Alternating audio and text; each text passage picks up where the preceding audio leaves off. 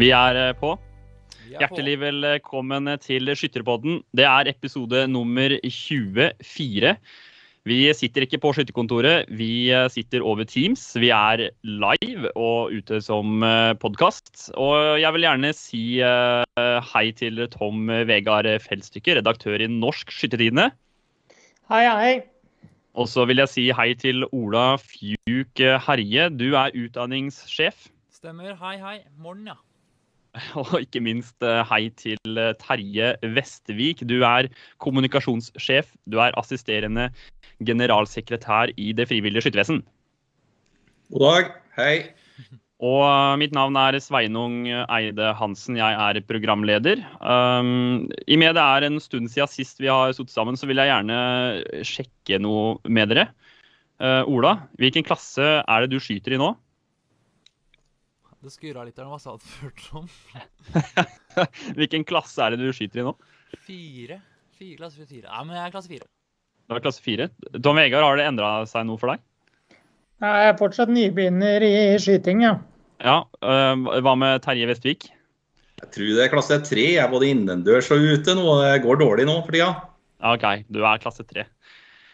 Vi uh, har uh, litt forskjellige saker på planen i dag. Vi skal uh, snakke om den kommende utgaven av Norsk Skyttertidene. Vi skal innom Skyttertinget, langtidsplanen. Og vi skal også innom offiserpokalen, som det har vært mye snakk om det, i det siste. Og så har vi en ganske interessant sak fra Trønderavisa og avisa Nidaros, som lister opp de 1000 beste idrettsprestasjonene i, eh, i, Trøndelag. Og der er det en hel haug med skyttere. Eh, og der, der, skal vi altså bli kjent med hvilke skyttere det er. Og så har vi eh, en, vi har en liten ny spalte som heter Avisrunden. Og ikke minst spalten Terjes hullkorn. Aller først så vil jeg jo bare bemerke at er det ikke Mette Finnestad som er i bakgrunnen hos Terje der, da? Trodde hun var der, jeg. Det er rett og slett Nei, det er, ikke, det er Eileen er det som er der nå. Nei, jo, der er det Eileen Torp. Det er begge to. Det er Skytternes messemøte du har på i bakgrunnen, Terje. Ja, jeg har faktisk ikke sett det fra A til Å, så jeg fant ut at jeg måtte prøve å se det en dag. og Nå sitter jeg og ser litt på det innimellom her, og det var jo en fantastisk sending. Jeg har sett mye av det, men ikke sånn hele sendinga. Så det var jo en veldig flott opplevelse vi var med på her i august. Det er antageligvis mange skyttere som benka seg ned hele den dagen foran, eh, foran TV-en. Um, det var et supert uh, arrangement. Um, det var kanskje litt overraskende sånn poengmessig, da? Med ja, de fikk, ja, de fikk det litt som det var et landsskytterstevne. Det er ingen tvil om at de eh, kjente på høytiden med å delta på et sånt arrangement som gikk på NRK. og de var jo også såpass få, så det ble nok både det og gjorde nok at de eh, kjente dette på presset også. Laga vi jo det litt forfina også, da, med litt hvite duker. og litt Når de kom, så de følte liksom at de var de utvalgte, rett og slett. Så de sa alle sammen at de skulle bare dit for å kose seg, men jeg har inntrykk av at kosen først kom etter at de var ferdig med egen skyting. Det var først da de kunne slippe ned skuldrene. det var en minnerik eh, sending. Uh, Tom Vegard, det kommer uh, en ny utgave med Skyttertidene om ikke så veldig lenge. Hva er, det, hva er det som ligger på nyhetsdesken din om dagen? Ja, deadline om uh, det er drøy uke, men abonnentene får jo blad fra 1.12. Og det har jo vært litt krevende, for det har jo vært en del avlysninger nå i siste som skulle ha vært med i bladet. Bl.a. NM skogsløp med skyting og noen kurs eh, som jeg skulle hatt litt mer på. Men, eh, men eh, det jeg skal klare landet i enten 72 sider eller 76 siders magasin denne gangen nå. Det er jo mye av de faste tinga, pluss at jeg har vært på besøk hos sju-åtte skytterlag. Eh, noen av dem har jo fått helt nytt og fantastisk anlegg. Eh, der vil jeg trekke frem Åsane og Hordvik, som nå har fått en innendørsbane som er eh, helt fantastisk. Som kommer til å gjøre at mulighetene i bergensområdet blir helt annet enn i dag. Jeg kommer til å skrive litt om uh, offiserpokalen, som har vært debattert litt i siste. Men da tar jeg for meg mye historien rundt pokalen og hvem som har tatt den jeg, siden 1929. Jeg har òg en sak om en 80-åring som syns det var kjedelig å skyte i V55, så nå er han tilbake i klasse 3 av 5 for å skyte Nei. alle tre stillinger. Oi, oi, oi. Eh, det er sprekt og kult. Det viser at du blir aldri for gammel. Bare du har en positiv innstilling. Eh, I tillegg så har jeg vært på et ungdomskurs som de rakk å gjennomføre før man måtte stenge ned igjen. Og jeg kommer til å ha litt rundt Oslo-prosjektet, for der har de en del spennende tanker nå som eh, kanskje går litt utover det vi er vant til i DFS. Så det kan man få lese mer om der. I tillegg så er det jo om skyttertinget og ildsjeler og breddeskytteren og mye forskjellig annet. Så jeg mm. tror det blir et leseverdig nummer denne gangen òg. Men kom gjerne med ideer og innspill, de som har noen tanker om hva de har lyst på å lære og mm. se og lese. Du nevner eh, Skyttertinget. De, uh, skyttertinget holdes over et helt år, gjør det det? Uh, til, uh, mens det vanligvis foregår på langskittstevne? Det har Fram til i år så skulle det foregå på langskittstevne, men under Skyttertinget i 2019 på Evje så ble det beslutta at fra 2020 så skal man gå over til toårige ting. Og da skal det heller ikke bli avvikla på langskitterstevne hvor det er veldig travelt for veldig mange, så det skal foregå på våren isteden. Men nå ble det jo ikke skytterting. Det siste skyttertinget som skulle ha vært på langskittstevnet, ble utsatt pga. LS ble jo utsatt eller avlyst. Og så prøvde de seg med skyttertinget på Gardermoen 31.10, men eh, koronasituasjonen endra seg jo, så det ble jo på Teams. Så det blir jo på en måte, selv om vi hadde på Teams et ekstraordinært om regnskap i mai, så er det likevel ganske historisk at man har gjennomført skyttertinget der. Mm. Hvilke saker er det de har eh, vært gjennom til nå? Eh, de valgte Pga. at de ikke kunne møtes, så valgte de å behandle bare 6 av 16 saker denne gangen, med håp om at de kan ta de andre sakene parallelt med ledermøtet i april neste år. Men som personlig så syns jeg jo Teams fungerte veldig bra og på et skytterting med 56 representanter. Avstemningen gikk ganske bra. Og jeg er ikke så veldig redd for demokrati i DFS, selv om man må gjennomføre en del saker via Teams-møte en gang eh, når det er påkrevd. Så i, i framtida så tror jeg at man må være enda mer åpen for å behandle enda flere saker. For det, jeg syns jo det fungerte veldig bra, og jeg er helt sikker på at de fleste blir mer og mer varme i trøya og tør å ta ordet selv i en sånn sammenheng. Eh, vi har en eh, langtidsplan som dukker opp eh, her, stemmer ikke det?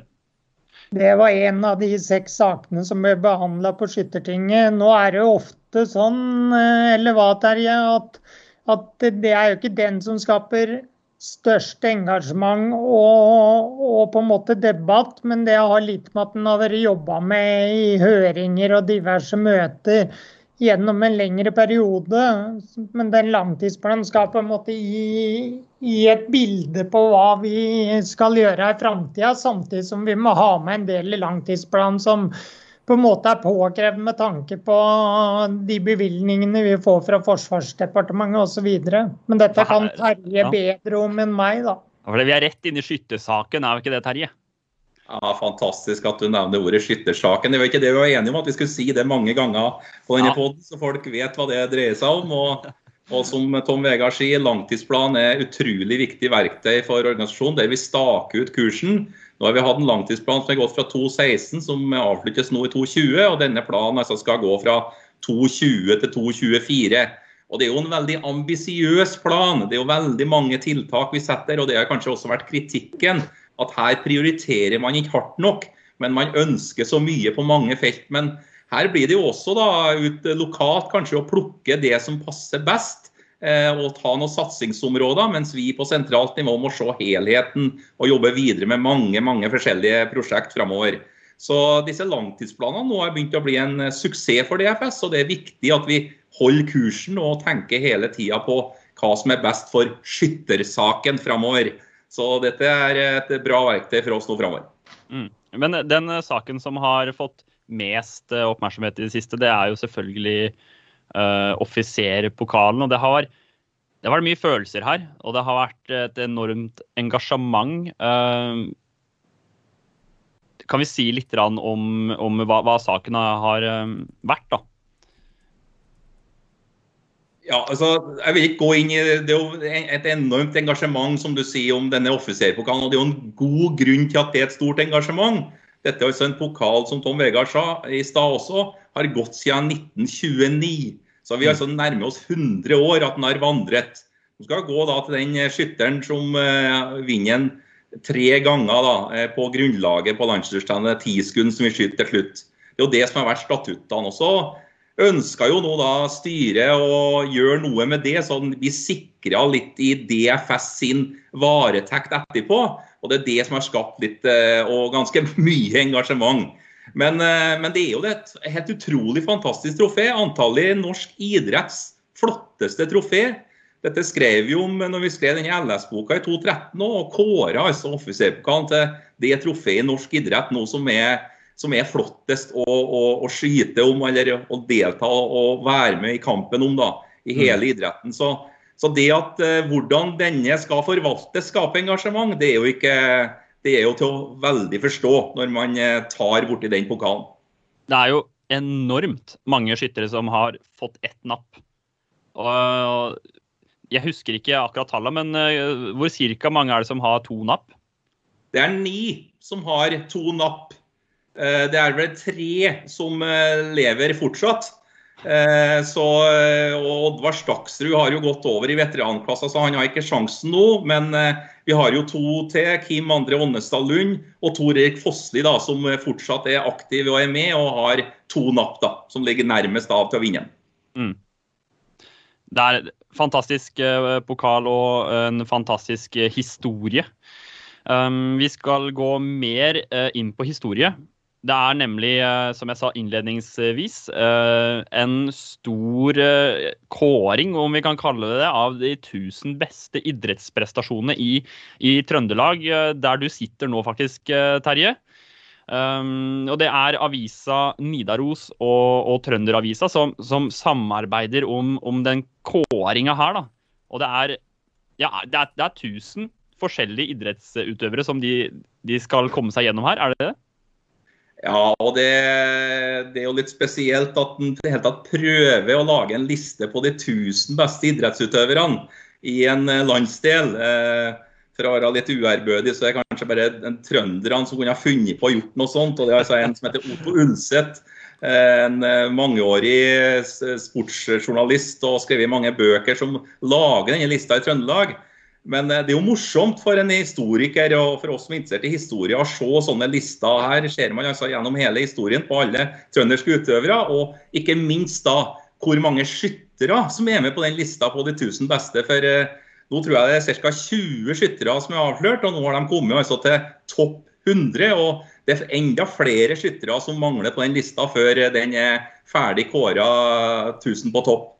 Så, eh, og Per Jorseth blant annet, han laga jo sånne lister i skyttertidene også på de beste skytterne gjennom tidene. og Det er subjektivt. Men eh, morsomt også, da, når man setter prestasjoner opp mot hverandre. Hva er det, og Der må man jo se litt historie, tida man lever i, toppidretten i dag i forhold til pionerene før. Så, eh, så det, det, har engasjert meg litt da, å se på og følge med offentliggjøring. For dette blir gjort med 100 og 100 nye personer hver lørdag i disse avisene. Da kom den 100 nye på lista. Og, og det gleder meg da å se disse skytterne som har kommet på lista. Eh, kan jeg, kan jeg rett og slett ta fram noen navn her? Absolutt. Er du med, Terje? Er du på lista? Siden det var 1000? Nei, jeg tror den eh, lista skulle ha vært 100 000 og hadde vel ikke vært der da heller. altså, på plass nummer 940, der har vi Hans Bakken. Altså ja. verdensmester i militærskyting og Skytterprins i sett lista. Jeg 2001 og 2004. langt Jeg syns jo hans var langt ned, Terje. Er ikke han lang... Altså, Burde han ikke vært høyere?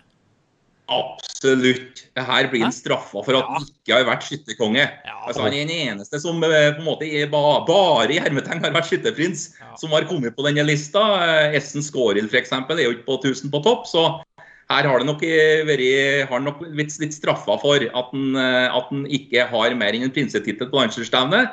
Men Hans Bakken, slik vi kjenner han, han har jo vært en eh, toppidrettsutøver og hatt denne toppidretten i seg. Så det er klart at vi kan føle at han er skuvd noe langt ned på den lista, ja. Men han er nå i hvert fall med. Ja, og så på plass nummer 200, Åse Moa. Femdobbel eh, skytterprinsesse. Ja, det kan jeg kanskje si noen at eh, hun har virkelig fått valuta for disse fem prinsessetitlene sine, da.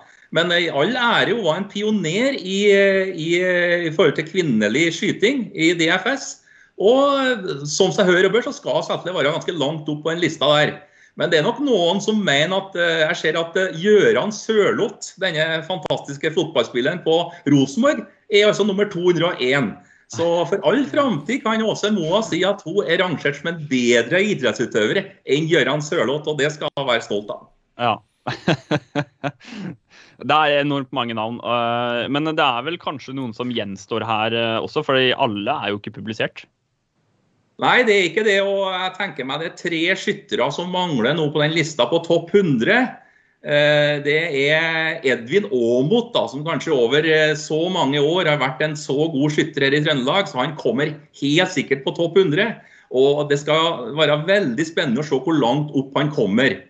Eh, Jeg vet også at Magne Landrud i denne sammenhengen er regna som en god trønder. Han er jo en trønder. Han vokste jo opp her i Trondheim og levde her til han var ca. 20 år. Så eh, han vil nok også komme veldig høyt opp på lista, og kanskje enda høyere opp enn Edvin, fordi at han har tre kongetitler. Edvin hadde jo bare én, men han har jo da tre NM-felt og vært denne skytteren over så mange år.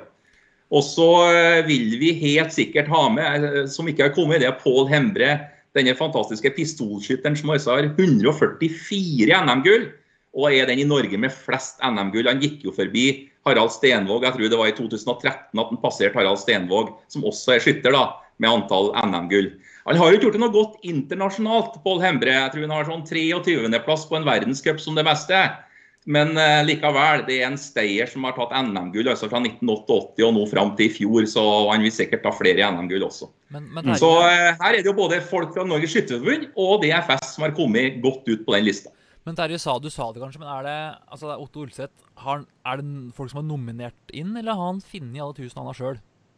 Ja, Han har hatt med seg en eh, god historiker på, også på sport, en som heter Per Kristiansen her i Trondheim. Ja. Og de har sittet og gravd seg ned i dette her. Og, og all ære at de prøver, men de sier jo sjøl også plasseringene fra 150 fram til 1000 kan selvfølgelig diskuteres veldig. Ja, ja, det, Eh, og, og det er kanskje noen som skulle ha vært nummer 970 som eh, ikke er på lista osv. Ja.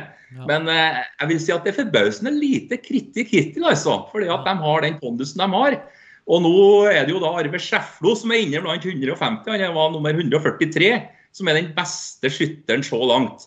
Så, eh, så det, han kom jo og ble avslørt nå på lørdag her. Så eh, han er jo i veldig, veldig godt selskap med ja, sånn eh, Erik Hoftun og fotballspiller Per Siljan Skjelbre er rett rundt Arve Skjeflo. Og, det hadde nok Per Arve vært stolt av. Han døde jo så altfor tidlig i 1985 på landslagsstevnet som 45-åring.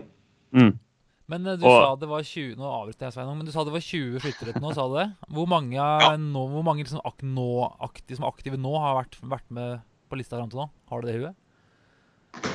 Nei, da må jeg se over lista, men det er jo de siste skytterkongene. Altså, de siste som har vært gode i Trøndelag, er jo med, men vi skal en del langt tilbake i tid også, ja. Og det er vi også da bare med, med Arve Skjeflo, kan du si. da. Så, så det er nå Torgild Berg blant annet, var jo rett Mm. før der, på eh, 920 eller noe sånt, som var skytterkonge da i 1985. Som var da likt rangert med Rasmus Løberg. De lå ved sida av hverandre, tror jeg, på 920.-plass. Jeg sitter ikke med lista foran meg. Men det er artig at Per Johan Jølga, altså skifeltskytteren, Per Johan Jølga også er på lista. Ah, Jeg tror han var på 840.-plass eller noe sånt. det er bra. Er det bare papirutgaven dette her, eller? Det er bare papirutgave, og så er det bak betalingsmur. Altså, du finner ikke den eh, sånn direkte. Men jeg, jeg skulle se om jeg fant lista, men jeg, det- jeg finner den ikke. Det er mange skyttere som ikke vet om den lista, så jeg bruker å sende dem hver lørdag jeg, og så gi dem en eh, Oi, du er nummer det, osv. osv. Magnus Wolen, som også var en DFS-skytter, var nummer 483 mener jeg på lista. Magnus Wolen da, som fikk lov til å ha et VM-gull på lag sammen med Vebjørn Berg og Espen Berg Knutsen. Jeg tror det var i 2006. Men har mye god DFS-skyting òg, men har jo aldri vært på den lista uten å få dette VM-gullet. Og Han har jo begynt med taekwondo nå, på sine litt, litt gamle dager. Og han var jo stolt av at han var sammen med europamestere i taekwondo fra Trondheim og sånn. At han var like ved dem for skytterprestasjonen sin. Så det skaper jo litt engasjement, i hvert fall. og det har vært mange gode prestasjoner. Uh, vi har fått et uh, spørsmål, uh, faktisk, som mm. går ut til dere her i det faste panelet. Og der er det en som spør har dere et godt uh, skyteteknikktips? Om vi har det, ja? Om dere har det. Mm. Så jeg vet ikke hvem som har lyst til å begynne der, ja. Utdanningssjefen, kanskje? Nei, begynn da, Terje. ja, nå er det ikke jeg som skal begynne. Nå så jeg det var laga en sånn eh, video her der du har med Espen Berg Knutsen, og det ble avslørt mitt uttrykk der som ikke skal tas med videre. men jeg har jo sagt på stående scenen på LS, så er det 'berges det som berges kan', ja. som er uttrykket mitt. Så her ser man svarten, så må man trekke av, for det kan bli så mye verre. Jeg hadde, jeg hadde, en i laget mitt, en veteran, som eh, han sleit jo med synet som mange andre veteraner. Og så var det en gang han virkelig sleit, og da husker jeg han sa det at eh, det var bare en grå dott. Men han, eh, han bare trakka midt i den grå dotten, og så gikk det greit. Så det er mitt beste tips, egentlig. Tom Vegard, jeg kan, kan, du, kan, du, komme med et tips som er litt bedre enn det? Ja, jeg har jo brei erfaring og lang historie som skytter i DFS gjennom fem år. Så min eh, gode tips det er å fokusere på pusteteknikk og avtrekket. Hvis du gjør det, så er det garantert å bli en bedre skytter. At du klarer å dra gjennom hele avtrekket og puste riktig inn i blinken. Og det gjør jeg veldig mye i forhold til de to andre gutta, og derfor eh, har jeg mye bedre resultater totalt sett. Da ser vi kun på plasseringer i klassa, vi ser ikke på sånn Ikke på antall deltakere i klassen eller noe sånt heller? Nei, nei, nei. altså, Morten Undset han, eh, han, skriver her veldig høyt nivå på, på skytetipsene. Det, det kan diskuteres. Uh, men vi har Spøk til alvor. Dette er de to tingene Tor Harald Lund har prenta inn i hodet mitt hver gang jeg snakker med ham, er avtrekk og pusting. Og det tror jeg er de to vesentlige tinga. Mm. Men det er det å gjøre det er noe helt annet, da. Det er noe helt annet, og det er ikke alltid det er ikke alltid at kroppen eller det mentale spiller på lag. Og vi har eh, vi har et meget eh, godt eh, tips, eh, for vi skal nemlig høre et utdrag fra Espen Berg Knutsen sin bok 'Geværskyting'. Og da spør jeg Ola, har du klippet klart? Å oh, ja da. Snurr film. Geværskyting kapittel to skytestillinger kneskjelv. Kneskjelv er et kjent begrep blant skyttere. Det beskriver en skjelving, spesielt i musklene i leggene, når man skyter stående. Skjelvingen oppstår vanligvis bare når skytteren er nervøs, og er en helt normal stressreaksjon. Den kommer imidlertid gjerne på et svært ubeleilig tidspunkt, f.eks. på stående-serien på landsskytterstevnet, og kan føles ubehagelig og være vanskelig å kontrollere. Skjelvingen oppstår oftest i det bakre beinet. Det fremre beinet er mindre utsatt, fordi det som regel er låst bedre fast av vekten fra kroppen og geværet som går rett ned i beinet. Hvis du er utsatt for kneskjelv, kan du prøve tre grep. For det første, sørg for at kneleddene er låst i bakre stilling, slik at beinbygningen bærer mesteparten av vekten. For det andre, forflytte mer vekt over på beinet som skjelver. Hvis dette er det bakre beinet, kan du f.eks. øke avstanden mellom føttene, slik at kroppens tyngdepunkt flyttes bakover. Tredje mulighet er å flytte kroppens tyngdepunkt litt fram mot tærne, slik at leggmuskulaturen låses. Det var Espen, eh, Sveinung. Det var Espen, og det var eh, kneskjelv og noen tips til hvordan man kan håndtere det bedre. Så eh, vi skal gå videre til en ny liten spalte. Og den spalten den, den er rett og slett din, Ola. Og det er avisrunden. Det er det. Aller først så tenkte jeg bare skulle ta så Vi, vi sitter jo Vi sender jo Det her er jo podkast, men vi sender jo live også på Facebook nå. Og vi ser jo det er jo 35 stykker som ser på. Så hvis eh, jeg, er litt nysgjerrig. Hvem er det som ser på? Så gjerne kommenter gjerne hvilke skytterlag eh, og samlag dere er fra, dere som ser på. Så vi får litt eh, action i kommentarfeltet her. Så jeg, jeg vil gjerne vite hvilket lag skyter du for, du som er med og hører på. Gjerne også klassen. Lag og klasse vil jeg ha. Morten kan begynne. Jeg ser Morten kommenterer mye her nå. Han er, sier blant annet at boka til Espen er veldig bra. Men øh, Men øh, Men Av avisrunden, ja. Avisrunden. Inn på avisrunden. Ja. Jeg, har, jeg har en hobby uh, som er litt sær. Uh, det er at uh, Vi har forresten fått inn spørsmål, så vi kan ta det etterpå. Ja. Det er, jeg, jeg bruker en del tid å se på Eller en del tid. Innimellom. Går inn på Nasjonalbiblioteket. Avisarkivet deres. Skriver inn søkeord. Eh, jeg brukte litt tid her nå. nå. Vi skal jo da ha avisrunden, så da har jeg da sett i gamle aviser etter hva, skytteraktuelle ting. Og det jeg rett og slett da gjorde Forsvant jeg fra telefonen min, da. Nå må jeg finne av det. Men eh, jeg plotta inn eh, skytterkontoret. Og så søkte jeg på skytterkontoret, og da tok jeg, valgte jeg meg ut 20-tallet. Så tenkte jeg skal vi se om vi finner noe gøy på skytterkontoret på, på 20-tallet. Og det gjorde jeg. Jeg fant masse. Det var jo mye flere treff på 20-tallet enn det var uh, lenger utpå. Til at skytterkontoret var mer Var mer eh, Skal jeg si, det, Terje? Mer, det var mer status da på skytterkontoret i gamle dager. Nå hører du at jeg prater litt mye her nå, for jeg, det forsvant telefonen min. Det- må Det, det, det var mer status på skytterkontoret på 20-tallet. Altså, Hva tenker du om det, Terje? Nei, det kan jeg jo ikke akseptere. Det var i hvert fall ikke så mange folk på skytterkontoret på 20-tallet. Nei, men det, ut fra det som skrives om skytterkontoret i avisen, så er det på en måte at det var Jeg vet ikke, mer kjent. Men i hvert fall, da, ene, ene jeg fant, da, det er eh, stillingsutlysning. Bare teknikken eh, er med nå, så blir dette supert. Det er skrevet i avisa som heter Den 17. mai, og det er da fra mandag 27. juni, står det øverst på avissida deres. Men det står ikke hvilket år, da. Men det finner vi ut her snart. skal vi se. Og eh, det er da ledig stilling ved skytterkontoret. Pga. sykdom er stillingen som kasserer skyt- skytterskipnaden ledig ønskes, mulig, ønskes besatt med tiltredelse snarest mulig. Lønna var 4500. eh, Tre alderstillegg, og, ja, og det er jo da eh, Det er da J.A. Hoff, Terje, som eh, har sendt ut denne her. Da Gensekken, det. Gensekken i 1920 et eller annet. Skal vi se, det er eh, 1927 er dette her. er. Eh, og da skytterkontor, står også at skytterkontor er, Skytterkontoret er for tiden på Hvalstad. Ja, i Asker. Ja, I Asker. Asker, ja. Ja. Tre måneders gjensidig oppsigelse. Så, um, og det ble lagt vekt på at vedkommende kan skrive både landsmål og riksmål.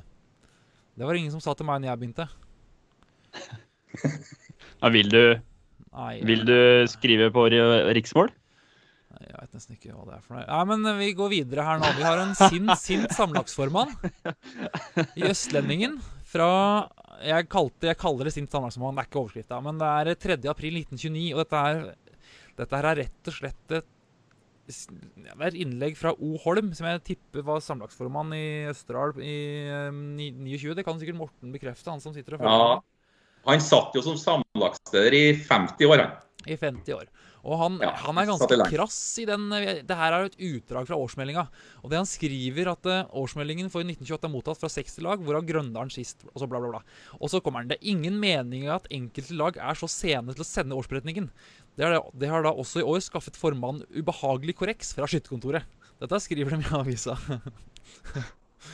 Det var mye sinna folk før i tida, Ola. Det var det, var det, det var mange som var sinna på små Ja, ting. Og, han er ganske, og så skriver han videre at man ikke skal få fra seg en liten årsmelding på fire måneder, hører jo ingen steds hjemme, skriver han. Det er rett og slett eh, det vi kaller naming and shaming. ja, det er i avisa her. Ikke noe, det var ikke noe Og da skriver han gjør heller som Kvikne, som har sendt meg bøkene, så kan jeg heller fylle ut skjemaet sjøl. Ja, så det var Ja. Um, skal Vi har forresten en, uh, vi har en- det, det kommer masse kommentarer her. Nå gjør det det, for nå jeg ser det. Vi kan ta Ja. en til. Jeg har et spørsmål, for dette her er fra Bondebladet 16.3.1925. Der er det noe skriv fra Jakob Vik, Hardanger og Voss skyttersamlag, Terje. Og der står det at landsskytterstevnevert i år halde i Sortland i Vesterålen. Skytterkontor arbeider med å leie egen båt, står det. Ja. Det ble jo hyra båter ikke sant, for å få eh, folk på landsskytterstevne, så det var chartring. Så det dreves mye av det. Det var jo chartra både busser og tog og fly og Ja. Så det var jo sånne ting i de tidene der for å få, få folk på landsskytterstevne. Så det, det er ikke noe nytt. Når Men det? beste Ja, historien der, Terje, er vel i Hammerfest, når båten kom fram ei uke for seint. Så måtte bare Nei. utsette LS ei ukes tid. Ja, Ja. Og der var jo, vi snakker om Sortland, så var jo der eh, også Olav var jo der. Han var i militæret. Kong Olav, da, prins, da, som var, deltok på eh, Og kom da til, til Sortland i 1925. og men så var det en, eh, en tannlege tror jeg, i bygda som tok over hele showet og inviterte hjem til seg. og sånn, Så skytterne var så snurt. De så nesten ikke en Olav på banen. Men det er en annen historie. Det, det er en annen historie. Ja, men vi, vi Eh, om Det var egentlig den avisrunden. Jeg tenker vi kan prøve å Ja. kjøre den eh, fast, jeg, Sveinung. Ja, Det er jo ingenting som er bedre enn litt uh, sinna innlegg fra 20-tallet. Nei, det er ikke noe sånn bedre enn det. Vi har flere her også, men vi kan uh, Det er bl.a. en om å flytte skytterkontoret. Og det, det kan jo si Terje, at jeg, på 20-tallet så var det veldig mye om Skåbu skytterlag. Uh, jeg vet ikke om du kjenner til det. Jeg, det. jeg har lest litt om det før, men der er det tydelig at det var betent i forhold til spesielt eh, med at eh, Blant annet tror jeg ikke Skåber skytterlag fikk penger til våpen, fordi skytterkontoret mente at det var kommunister som var medlem i Skåber skytterlag. Ja, Dette kan du like mye som meg om, eh, Ola. Ja, Denne politiske situasjonen som var da på 1920-tallet. Ja, så, Eh, der man var redd for infiltrering eh, i skytterlagene. ikke sant? Med at det var, det var ikke for, for eh, det, det forsvarssituasjonen vi hadde da, for å ta den helt Ja. Det var mye, i hvert fall der òg var det mye litt mer krassere Jeg veit ikke om det var leserinnlegg eller om det var journal... Det er litt, noen ganger litt vanskelig å se hva det var, men i hvert fall der òg var det mye litt sånn rett fram meninger ofte. Så det, Ja, det er um, Ja. Nei da, men eh, det var dagens avisrunde. Svein Ongsvis. gå til Ja, det- på Facebook. Vi, eh, vi, vi abonnerer på den avisrunden der. Ja, det Ja. har kommet eh, en del kommentarer her nå. Ja, det er vi har um, Tony. Altså, vi har uh, skytter fra Hardanger skytterlag her, en klasse 5-skytter. Chris André Bolstad Fauske. Mm. Uh, Randi fra Vikna skytterlag. Og vi har Hallgeir Huse Åsnes. Vi har uh, Anne Reiten fra Isfjorden og Åndalsnes skytterlag. Hun var med på kurs i øst. Feltinstruktørkurs i Os. Ja, så, og det har jo det har kommet et spørsmål her, da. Eh, hva mener dere om forslaget til evigvarende offiserpokal uh, fra Chris André Bolstad Fauske? Vi var jo innom temaet i stad, og mm, nå er det jo ingen her fra Skyttertinget som kan eh, snakke om saken. Men eh, det her skal vel ut på høring, skal det ikke det, Tom Vegard? Eh, Jeg veit ikke hva de lander på til slutt, men eh, i hvert fall eh, tror jeg har styret sagt nå på styremøtet forrige uke at de setter vedtaket sitt på vent inntil de skal gjennomføre en høring. Og så er det hvordan de gjør det, veit jeg ikke. Men, eh, men eh, saken per nå ligger jo hva skytterstyret sjøl velger å gjøre med saken framover. Så mm, det er litt vanskelig for eh, andre å kommentere, da. På en Mm. måte hva de velger å gjøre. Alt ligger jo offentlig her i forhold til både hva administrasjonen mener og hva styret mener, så jeg tror ikke vi skal gå noe nærmere inn på det nå. Jeg ser jo Morten, han kan jo Vi snakka om han der O. Holm fra Østerdal. Det er som du sier, Terje, at han var samlagsleder i, Han var fra 1909 til 1950. Eh, Eh, ja, det stemmer. Jeg var 41 år. ja, Jeg tok også sammen med ja. barnebarnet Ola Petter satt en sånn 50 år. Ja, ja stemmer. ja. Det er, liksom- ja, det er, det er lenge, altså. Mm. Og så er det jo eh, Og så er det jo eh, Jo Christian Bergum, Terje, han gleder seg til liveversjon Terjes Hulkorn. Så han Ja. vi, vi kommer sikkert inn det snart òg. Det er vel rett og slett det som er neste spalte, det. Det er eh, den faste spalten, faktisk. Terjes eh, Hullkorn. Og vi skal tilbake til der vi var i stad, Terje. Eh, vi skal til mannen som er med på å liste opp de 1000 beste idrettsprestasjoner fra Trøndelag. Det er Otto Ulseth. Han har han, er, han kjenner jo til skyting fra før, han. Å ja, han kjenner de, de fleste idrettene i Trøndelag, og var jo, som jeg sa, redaktør i Adressa mange år. Sportsredaktør i Adressa. og det var i den forbindelse også Jeg kan ta en historie. Ikke så morsom, men det sier litt om eh, en, en, det, en, sak da, som er aktuell fortsatt i dag. I 1993 da var det landsdelsstand på Oppdal. Første gangen der. Da feira jo organisasjonen sitt 100-årsjubileum på Oppdal med brask og bram. Da var Otto Ulseth eh, ja, Vi har ikke snakka nok om Otto Ulseth, egentlig. Da. Han er jo både landslagssjef i fotball sammen med Egil Drillo Olsen i Irak, og trent Tromsø har han gjort. og Gjort så enormt og skrevet bøker om mange profilene. Petter Northug og skrevet bok. Ja, Masse greier med Otto Ulseth. Men han var da på landslagsstevnet i Oppdal. Og etter at han har vært der ei uke, så skrev han en legendarisk kommentar både i Adresseavisen og i skyttertidene, der han skrev følgende Det er helt utrolig å være på et sportsarrangement en hel uke uten Og da snakker han til baneskyting. Uten å se en eneste idrettsutøver i aksjon. Jeg ser en vegg. Jeg. Og så har jeg fått noen resultatlister i ettertid. Så han var jo da, utga jo seg da for å være talsmann for at du måtte rive ned veggene, eller i hvert fall få noe glass da, bak der som en kunne se på utøveren. Så Han sa han er jo privilegert, jeg som er journalist, sånn, som kan gå inn og se litt, men så går jeg ut igjen. Dette må DFS gjøre noe med. Men jeg tror ingen ensa inni kommentaren eller brausa om hva Otto Ulseth mente om det. Men eh, vi har jo kommet videre, da, og litt eh, spesielt her også. Ti år senere fikk vi jo storskjerm da på landsdelsstevnet. Selv om vi ikke viste eh, levende bilder i Oppdal. Så det kom jo først i Sandnes i 2004. Så nå får du i hvert fall nærheten mer da, når vi kan vise også film fra inne på standplass. Så Otto har absolutt også interessert seg veldig mye for skyttersporten og utvikling. Og, og, det er jo noe med det som flere har reagert på som kommer utafra. At man altså ikke ser utøverne som er på baneskyting, men man må følge med på ja, en skjerm eller kanskje noe annen livevisning. Man ser mm. ikke sporten utøvd. Mm. Men tror du Terje, at eh, vi i framtida noen gang vil eh, ha et LS hvor vi ikke har vegger på standplassen? Når TV kom på Lesja i 2005, så var det mange kritiske røster, for de sprakk jo som ballonger hele gjengen. Men i dag så virker det som de har tilpassa seg det nye. Er det òg sånn at det kan skje på det området her? Er Det en del som sprekker ennå, syns jeg. Ja, jeg veit om flere. ja. Men du, jo, du, du, er jo virkelig inne på det nå her, Tom Vegard. for det er en ting at Vi fikk denne storskjermen, men når NRK også begynte å ha disse kamera foran skytterne, så nå er, føles jo ikke det behovet som Otto Ulseth da kom i 1993 så stort lenger. For vi har bilder av dem, ikke sant, selv om vi ikke ser dem fysisk. Og det er nok. Så eh, vi har da absolutt gått framover på det her. Og jeg tror det er uaktuelt det han da sa, at vi skal rive ned standplassveggene. For det har altså veldig mye med støy å gjøre. Og jeg tror at glass i stedet f.eks. ikke er bra nok i forhold til støy. Dette kan ikke jeg nok om, men det har jo vært påsnakka. Men eh, jeg tror standplassene dem må vi ha for å, for å unngå støy. Ja. Mm. Det begynner å nærme seg eh, ja, Er det ikke rett og slett premieutdeling på skytternes mestermøte bak ryggen til Terje her, da? Anne Ingeborg har fått premien, hun òg. Ja, det ser eh, sånn ut. Nærmer seg slutten. Vi vi nærmer oss også slutten. Jeg kan jo ta opp en kommentar her eh, for å avrunde det vi diskuterte litt i stad, fra Chris André Bolstad Fauske. Han skriver forsto det slik at dere ikke ville legge ut eh, deres personlige meninger vedrørende temaet offiserpokalen. Uansett flott podkast som skal følges eh, fremover. Vi får vel heller legge opp til en ordentlig debatt hvis det skulle bli, bli aktuelt, da.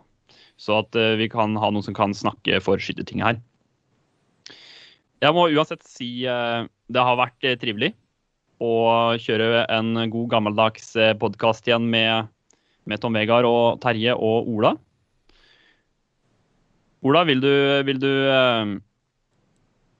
vil du oppsummere podkasten?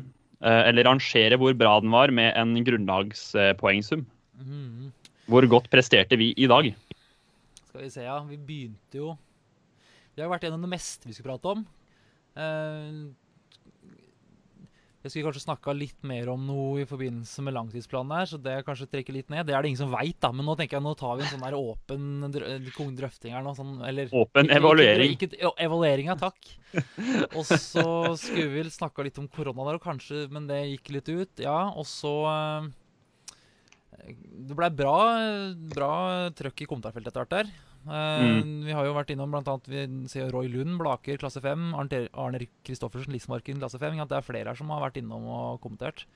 Morten Undset han uh, har jo kommentert mye. Litt vel mye, kanskje, Morten. Jeg ba deg kommentere litt, men nå det, nei, det var veldig bra, Morten.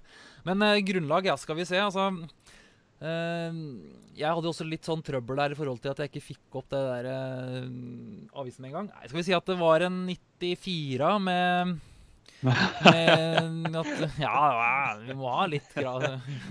94 med en sjuer og to niere på stående. Hva blir det? Da har jeg mista fem poeng. Og så en nier på kne, og så fullt på liggende. Avslutta bra. Avslutta Ja. med stil. Vi avslutter bra. Vi, Det bruker veldig lang tid, da, men dere også kan vel ta oss og evaluere? Eller var det en Men eh, sånn totalt sett så er det jo ikke for seint hvis folk ikke fikk fulgt uh, Skytterpodden live. Så vil jeg anbefale å ta og laste ned via der du finner podkaster, eller via linken man vil finne på skyttertidene.no. er, Og det kommer til å komme er mer. Oi, sorry. Hvor mange episoder har du, Sveidung, nå? Har vi ja, nå, nå er det Det her er den 24. Rett og slett den 24. så Bare gå inn på Spotify eller noe søk opp Skytepodden, så vi er der. Det er vi. Jeg, Jeg Jeg- jeg vil si- oh, ja. jeg vil også si poengsum. Ja, Ja, ja. Du vil det, ja? ja. Og jeg synes jo det ble snakka litt for lite om eh, offiserpokal, så jeg kan ta litt historie på den til slutt. Vi kan Ja, si at den var 99, og det er Arne Engevik som er den siste som skrev 99 og fikk offiserpokalen i 1989. Eller så kan vi si at det Kåre Myrvold 98 var den siste som skjøt 98, eller han var den første som skjøt 98. Og Lars Halvard e Nei, Lars L. Ese, ikke Lars Halvard, det er sønnen.